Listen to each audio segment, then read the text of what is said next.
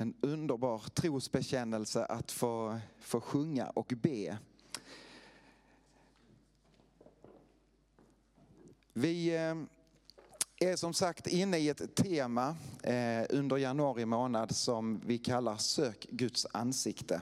Och det här blir på något sätt del tre i den. Karl, min kollega, har predikat de två tidigare föregående söndagarna kring samma tema. Det finns utlagt på efskyrkan.tv så man kan ta del av helheten. Men de blir ändå på något sätt fristående men ändå hänger de ihop. Och det gör ju egentligen på något sätt alla gudstjänster och hela livet naturligtvis. Men jag tänkte jag skulle vilja börja med att ställa en liten så här retorisk fråga eh, till er. Och ni får svara eh, själva för er, ert inre. Så. Ni behöver liksom inte ha en genomgång här. Men är det någon här som någon gång har tappat någonting som är väldigt värdefullt eller dyrbart för dig? Man kan bara svara med nickning. Så jag, om man nu har gjort det. En plånbok, några nycklar, en vigselring eller vad det nu kan vara för någonting. Någonting som har gått förlorat. Det kan vara något som är värdefullt så att du känner att ah, det där eh, bankkortet eller eh, körkortet var dumt att bli av med plånboken. Eller är det någonting som är dyrbart för dig för att det är dig kärt? Följdfrågan på den, om du har varit med om den upplevelsen så kan du fundera på hur letar du efter den saken? Där kan man vara olika. Eh, någon blir irriterad direkt och frustrerad och liksom bara kastar grejer omkring sig. Och någon annan kan ta det lite mer med ro och börja systematiskt gå igenom. Var har jag varit? Var har jag lagt grejerna? Och gå igenom. Men jag tror det som vi har gemensamt det är att vi letar intensivt. Och vi ger inte upp så där jättesnabbt utan, ja ah, men sanna dag, vi ska hitta det. Är man klok så tar man någon till hjälp. Eh, det är en, alltid bra i många sammanhang att inte gå själv. Men så kommer jag att tänka på en grej som fanns i alla fall förr, den här i nyckelknippan. Så svarade den med en vissling. Är det någon som kommer ihåg den? 80-talsdängan eller när det nu var. Eh, så mycket lättare det var att hitta när det var någonting som gav ljud ifrån sig. Ska jag återkomma till det. Men så har vi då den här maningen som, som Bibeln på något sätt är full av eh, och på något sätt har varit en inbjudan till oss människor genom hela historien, ända sedan syndafallet. Nämligen detta att söka Guds ansikte. Förra söndagen så vet jag att Karl han inledde med en vers ifrån Psaltaren 105. Och bara för att påminna om den så står det så här. Fråga efter Herren och hans makt. Sök alltid hans ansikte. Varför har vi behov av att ta till oss den maningen och hälsningen från Gud? Att ständigt söka. Jag tror att det hänger ihop med det som gick oss förlorat i syndafallet. Den första människan, Adam och Eva som, som levde i en sån där hel gemenskap med Gud behövde inte leva med den livsformen för att man levde i en, en hel och ren relation. Edens lustgård, så ljuvligt. Men så gick någonting förlorat när människan åt av kunskapens frukt och började skämmas inför Gud. Springa och gömma sig och liksom försöka dra sig undan. Då är det något underbart för att Gud söker upp Adam och Eva och ropar efter dem och frågar efter dem. Men deras överträdelse fick en konsekvens så att hela mänskligheten och också du och jag föds in i en situation där inte den helheten är grundförutsättningen för oss längre. Utan sen har liksom Gud behövt komma med den hälsningen. Sök mitt ansikte. Sök dig tillbaka. Om och om igen. så kan man ju fundera på varför är där behov av det här? Hade det inte bara räckt att få ett rejält gudsmöte som sveper bort alla tvivel i mitt liv? Hade, och hade bara Gud visat sig på det här sättet så skulle jag bli frimodig och hängiven. Jag skulle aldrig någonsin tveka på Guds godhet och så vidare. Och så kan jag tänka många gånger att, ja men Gud, tänk om du för Ängelholms befolkning bara hade visat dig på ett sånt sätt så att det går inte att säga nej. Och alla bara hade kommit till tro vi hade fått lite Edens lustgård i Ängelholm. Inte bara hembygdsparken utan ännu mer. Men så är det inte så enkelt. Tar vi del av, av Israels historia i Gamla Testamentet till exempel så är den brutalt ärlig. Bara för att göra en liten recap vad som händer i, med Israels folk när de går från Egypten, flyr från slaveriet och fångenskapen till det utlovade landet. Vad är det som händer? Jag gör en liten sån här. Först och främst så, så finns de i Egypten. Mose och Aron kommer inför farao och säger befria Guds folk, befria Israels folk så att de kan komma ut i öknen och få fira gudstjänst. Och så säger faraon ja, men nej och så vidare. Och då drabbas Egyptens land av tio fruktansvärda plågor som får farao och hela riket att skaka till. Tio plågor som egentligen gör upp med tio stycken vanliga gudsbilder i Egypten. Och Gud markerar med under och tecken. Jag är den levande guden. Jag står över alla andra påhittade gudar. Jag är sann. Och Israels folk ser ju detta. Och då tänker man wow, yes. Så går de ut ur, det här låter ju väldigt enkelt, men det är ändå en och en halv miljon människor som lämnar Egypten och ut i öknen. Gud leder dem med en eldstod om natten och en molnstod om dagen. Det måste ju vara liksom, wow, vilket gudsbevis. Ändå så kommer de fram och så när Egyptens här vaknar till och, och liksom börjar förfölja dem, ja då blir de oroliga och så kommer de med den här hälsningen till Mose. Mose, varför skulle du leda oss ut i det här? I Egypten fanns det gravar, här finns inga. Och så visar Gud sin omsorg igen. Mose håller upp sin arm och vattnet delar sig och de går torrskodda igenom och Egyptens här dränks. Sen fortsätter den här vandringen i öknen. Det tar inte så lång tid förrän folket börjar knota på, åh nu var vi hungriga plötsligt. Och det är ju klart att man blir lite gnällig när man är hungrig, det vet vi alla. Då ger Gud mannat på, på marken. Och bara för att ge lite variation till det här fantastiska brödet som de kan ta del av så kommer det vaktlar, fåglar som, som landar som de kan äta av. Men inte nog med de bevisen om Guds omsorg utan de börjar knota och knata igen. Får Mose fram en stav och slår på en klippa så det strömmar fram vatten mitt i öknen. Sen plötsligt möter de ett annat folk, amalekiterna, som börjar hota dem. Och eh, Gud säger till Mose, sänd ut en liten, liten här, en liten, liten skara som ska stå emot det här stora folket. Och så ställer sig Mose uppe på, på en klippavsats. Aron och Hur på varsin sida som håller upp Mose armar. Och så länge han håller upp sina armar så välsignar och beskyddar Gud folket så att de vinner framgång. Men när armarna sänks så lider de liksom tillbakagång. Men de vinner det här slaget mot alla mänskliga odds. Sen så kommer de fram till Sinai berg. Mose går upp där på Guds befallning för att ta emot de tio orden. Och det är inte bara så att han försvinner upp på ett berg, utan det, det är extremt mäktigt. Det är en molnstol som står över berget och det blixtrar och dundrar så att de, de bara måste förstå att Gud är och färde. Så är det så att Mose han börjar dröja där uppe. Han är iväg 40 dagar. Tänk att det kräver bara 40 dagar för folket att lura Aron till att gjuta en guldkalv. Ja, Gud har nog övergett oss. Ja, det är nog inte på riktigt det här. Vi hade det bättre i Egypten. Vi gör oss en, en guldkalv så som vi hade det förr.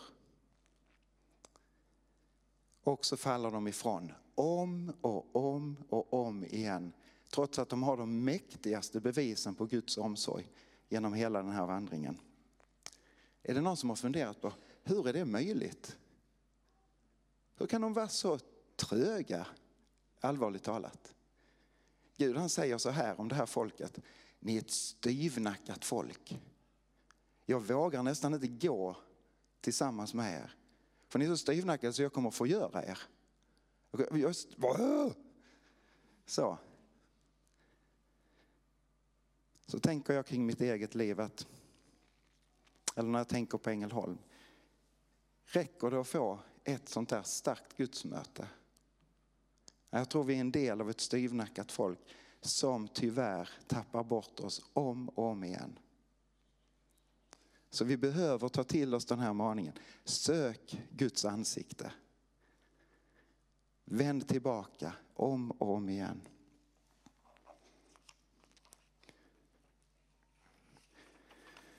Mose han gör något stort när han ställer sig i gapet för hela folket. När, när Gud vid ett tillfälle säger, nej men nu, åh, vad ska jag göra? Då, då går Mose liksom upp på berget igen och talar med Gud och säger, förgör inte detta folket. Kom ihåg dina egna löften. Det är ju märkligt att Mose ska behöva, det behöver han ju inte påminna sig om, men, men ändå så ger han uttryck för det. Och så säger Mose, ska du ta det här folket så får du ta mig också. Stryk mig ur livets bok. Han är beredd att offra sitt liv för folket. Men det behöver han inte göra utan Gud visar sin barmhärtighet och folket får möjlighet att vända om ytterligare en gång. Och där skulle jag vilja läsa för er och för mig själv ifrån andra Mosebok 33 om hur Mose förhåller sig i detta. Från först andra Mosebok 33, 7 och framåt. Mose brukade ta tältet och slå upp det utanför lägret. Och detta är kan man säga en, en utpost ifrån tabernaklet eller uppenbarelsetältet. Eh, där står ett tält mitt i lägret där Gud bor och har sin boning. Men så slår de upp ett tält utanför lägret också där Mose och folket kan gå för att rådfråga Gud. För man går inte in i den allra heligaste boningen för att samtala med Gud utan i det här. Så Mose brukar ta tältet och slå upp det utanför lägret ett gott stycke därifrån. Han kallade det för uppenbarelsetältet. Var och en som sökte råd hos Herren fick gå ut i uppenbarelsetältet utanför lägret. Och varje gång Mose gick ut till tältet reste sig alla och stod var och en vid ingången till sitt tält och såg efter honom tills han hade gått in i tältet. Och när Mose hade gått in så sänkte molnpelaren sig och blev stående framför ingången och Herren talade med Mose. Då folket såg molnpelaren stå framför ingången till tältet så reste de sig alla och bugade sig djupt, var och en vid ingången till sitt tält. Och Herren talade till Mose ansikte mot ansikte, som en människa talar till en annan. Sen gick Mose tillbaka till lägret men hans medhjälpare Josua, Nuns son, en ung man, lämnade aldrig tältet. Mose går in i tältet och där har i liksom den här omvändelsen som folket har gjort efter att ha gjutit guldkalven och övergett på något sätt Guds väg så har det fötts en ny förväntan. Vad ska Gud säga? De är hungriga, de är nyfikna. Mose går in, molnstoden landar över och så står det att Mose får tala med Gud ansikte mot ansikte. Vad innebär det, ansikte mot ansikte? Det kan man fundera på, för fortsätter vi läsa lite längre fram i 33 så står det så här, kommer nästa lilla text. Mitt ansikte kan du inte få se Ty ingen människa kan se mig och leva. Mm. Men hur får vi ihop det här? Jag tror att när det står så här att Mose får tala med Gud ansikte mot ansikte så är det på något sätt en, en bild för en, en rätt hållning, en rätt riktning och en väldig närhet. De talar med varandra så som vi talar med varandra. Jag tänker att, att Mose har förstått att ställa sig rättvänd i förhållande till Gud. Hur är det när vi pratar med varandra? Visst är det någonting att prata med den här. Jag skulle fundera på hur hade det känts om jag bara hade stått så här och predikat? Ja, jag har något jätteviktigt att säga er. Alltså det, det är någonting att vara rättvänd. Mose hade förstått det. Att vända sig till Gud. Söka hans närhet. Söka hans ansikte. Och så svarar Gud och talar så som vi talar till varandra. Fantastiskt.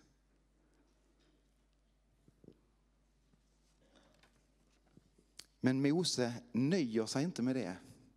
Det är härligt med Mose, en riktig förebild på många sätt. Och en väldigt stark förebild också till Jesus själv. Men han, han, eh, han nöjer sig inte med det utan fortsätter vi att läsa lite längre fram i, i 33. Så står det så här. Så, oh, det blev smått där, jag får läsa härifrån. Mose sa, låt mig få se din härlighet. Herren svarade, jag ska låta min höghet och prakt gå förbi dig och jag ska ropa ut namnet Herren inför dig. Jag ska vara nådig mot den som jag vill vara nådig mot och barmhärtig mot den jag vill vara barmhärtig mot. Han fortsatte, mitt ansikte kan du inte få se, ty ingen människa kan se mig och leva. Sen sa Herren, här bredvid mig finns en plats, ställ dig här på klippan. Och när, man, när min härlighet går förbi så ska jag ställa dig i en klyfta i berget och skyla dig med min hand tills jag har gått förbi. Och då ska jag ta bort min hand och du ska se mig på ryggen. Men mitt ansikte kan ingen se. Tänk vilken omsorg. Det är inte så att Gud säger ställ dig där och så håll för din egen hand och liksom försök hitta rätt i balansen. Utan Gud har omsorg och säger jag skyller din, dina ögon tills jag har gått förbi och så kan du se så mycket så att du inte kommer förgöras av min härlighet. Men du kommer att få se den. Men tänk om Mose får vara en förebild för dig och mig i det att inte nöja sig. Oh, det är alltid mer att upptäcka i Herren. Bli aldrig färdig. Bli aldrig liknöjd med Herren. Utan fråga efter mer. Låt mig få se din härlighet. När du tycker att du har kommit så nära som du bara kan komma så kan du komma närmre på något sätt. Men så är redan gamla testamentet full med den här hälsningen och det är, kan låta motsägelsefullt. Sök ständigt Guds ansikte. Och vi lever i en annan tid, vi lever det nya förbundets tid i förhållande till de som levde på gamla testamentets tid. Och vi har en ny förutsättning som fanns innan men som inte ännu hade uppenbarats på det sättet som den har gjorts för oss. Nämligen Jesus Kristus. Vi kan säga att Gud har fått ett ansikte i honom. Gud har uppenbarat sig själv i Jesus Kristus på ett alldeles speciellt sätt. Och frågan är om det kan vara mäktigare än så. När jag tänker kring mitt eget liv, när jag tänker kring folk i Ängelholm, kan det bli ett tydligare och mäktigare bevis än att Jesus har kommit. I Johannes 1 och 14 så står det om Jesus, om ordet som skapade himmel och jord. Och att ordet blev människa och bodde bland oss. Och vi såg hans härlighet. En härlighet som den enda sonen får av sin fader. Och han var fylld av nåd och sanning. Ordet blev människa och bodde bland oss. Kan man säga att, att Guds boning tog sin plats. Helgedomen landade på jorden. Vi skulle kunna säga att Gud slog upp sitt tält mitt i lägret igen. Jesus blir på något sätt svaret på uppenbarelsetältet. Han blir svaret på templet. Guds boning mitt i mänskligheten. Fullt ut. Och han har ett ansikte. Vi kan alltid vända oss till Jesus och säga, jag vill se mer av dig. Jag vill söka ditt ansikte. Och han visar sin härlighet. Och även om vi har erfarenhet, för vi lever i en, och det här kommer jag att tala lite om, om nästa söndag, i detta att vi lever i, i en trasig värld där vi ännu inte ser så som vi en gång ska få se. Trots att Gud har uppenbarat sin härlighet och visat sitt ansikte. Så är det som det står, eh, ännu ser vi som en gåtfull spegelbild, men då ska vi få se ansikte mot ansikte. Men redan här och nu så, så får vi på något sätt söka Guds härlighet. Säga jag vill mer av din närhet. Jag vill mer av ditt tilltal in i mitt liv. Jag vill ana mer av vem du är Gud och hur mycket du älskar mig. Jag vill söka ditt ansikte. Och när vi är det här styvnackade folket som går vilse, för vi gör det tyvärr, och vi tappar så lätt bort oss. Det är skillnad att gå vilse i en djup skog. Då tänker jag inte bara kronoskogen här nere utan en norrländsk oändlig skog med ständigt mörker ska jag inte säga för det lät som jag vill ha en värdering i det. Men man är helt off. Och så ska jag hitta rätt. Det är en väsentlig skillnad om det är någon som kommer och gör ljud ifrån sig som den där nyckelknippan från förr. Som ropar efter oss. Hallå! Tystnar jag då och lyssnar efter den rösten eller efter de ropen så har jag lättare att hitta rätt och hitta hem. Men har jag fullt upp med mitt, det är så jobbigt att gå vilse och det är så, oj det är förfärligt, ska jag krama det här trädet eller detta trädet? Och det är så synd om mig och nu sa hej och hå, eh, ni hör Israels folk, gnället. Har jag för mycket med mitt eget gnäll om min situation så är det så lätt att jag missar den där rösten som är ute och ropar mitt namn. Magnus, kom hem. Vänd om. Jag är intresserad av dig, jag längtar efter dig. Wow. Så tystna ibland och, och liksom lyssna efter Guds röst. Tala till mig på nytt Gud. Jag längtar efter din närhet.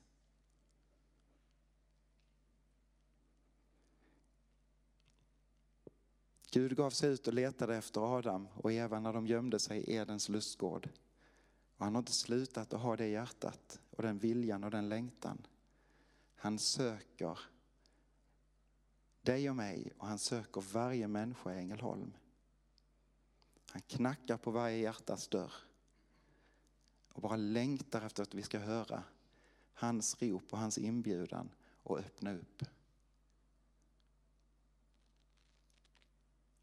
Ska vi be tillsammans? Tack Jesus Kristus för ditt tålamod. Tack för din barmhärtighet. Tack för din nåd. Trots att vi kan vara så styvnackade och så, så korta i perspektivet så vi tappar bort oss och går vilse i smått och i stort. Så ger du aldrig upp. Vi tackar dig för det.